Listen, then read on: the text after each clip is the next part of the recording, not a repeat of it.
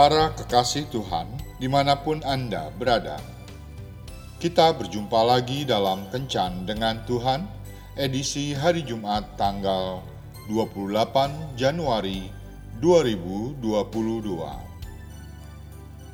Dalam Kencan kita kali ini, kita akan merenungkan ayat dari Amsal bab 22 ayat 6 Didiklah orang muda menurut jalan yang patut baginya, maka pada masa tuanya pun ia tidak akan menyimpang daripada jalan itu. Sahabat kencan dengan Tuhan yang terkasih, Ferry tumbuh menjadi anak yang baik dan penurut.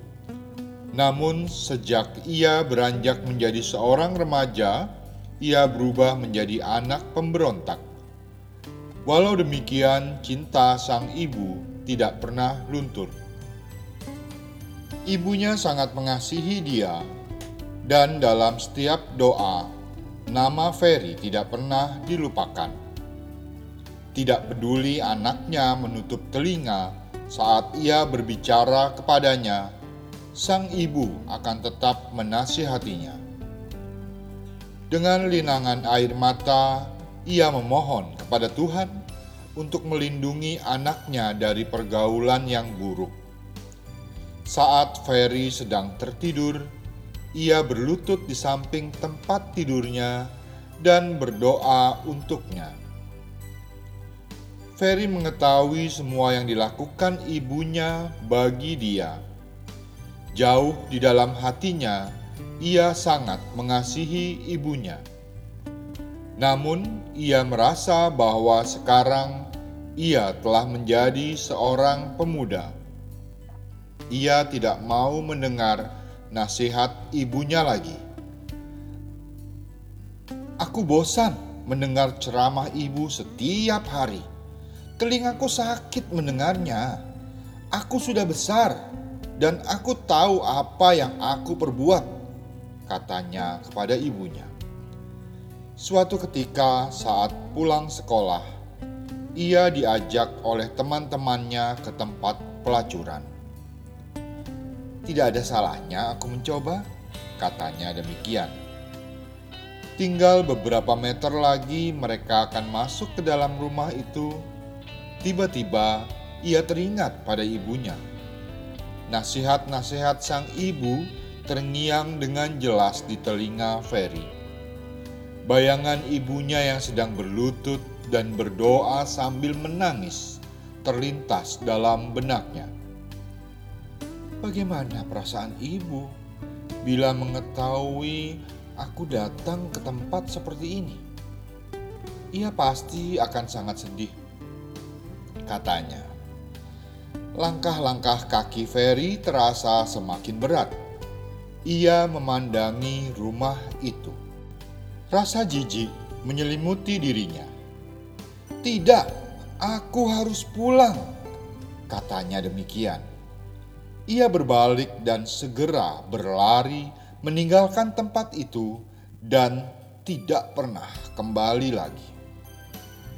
Ketika mendengar kisah di atas, sepertinya nasihat sang ibu sama sekali tidak kena pada sasaran. Namun, pada akhirnya, ketika si anak diperhadapkan dengan godaan dunia, ia kembali teringat akan nasihat ibunya.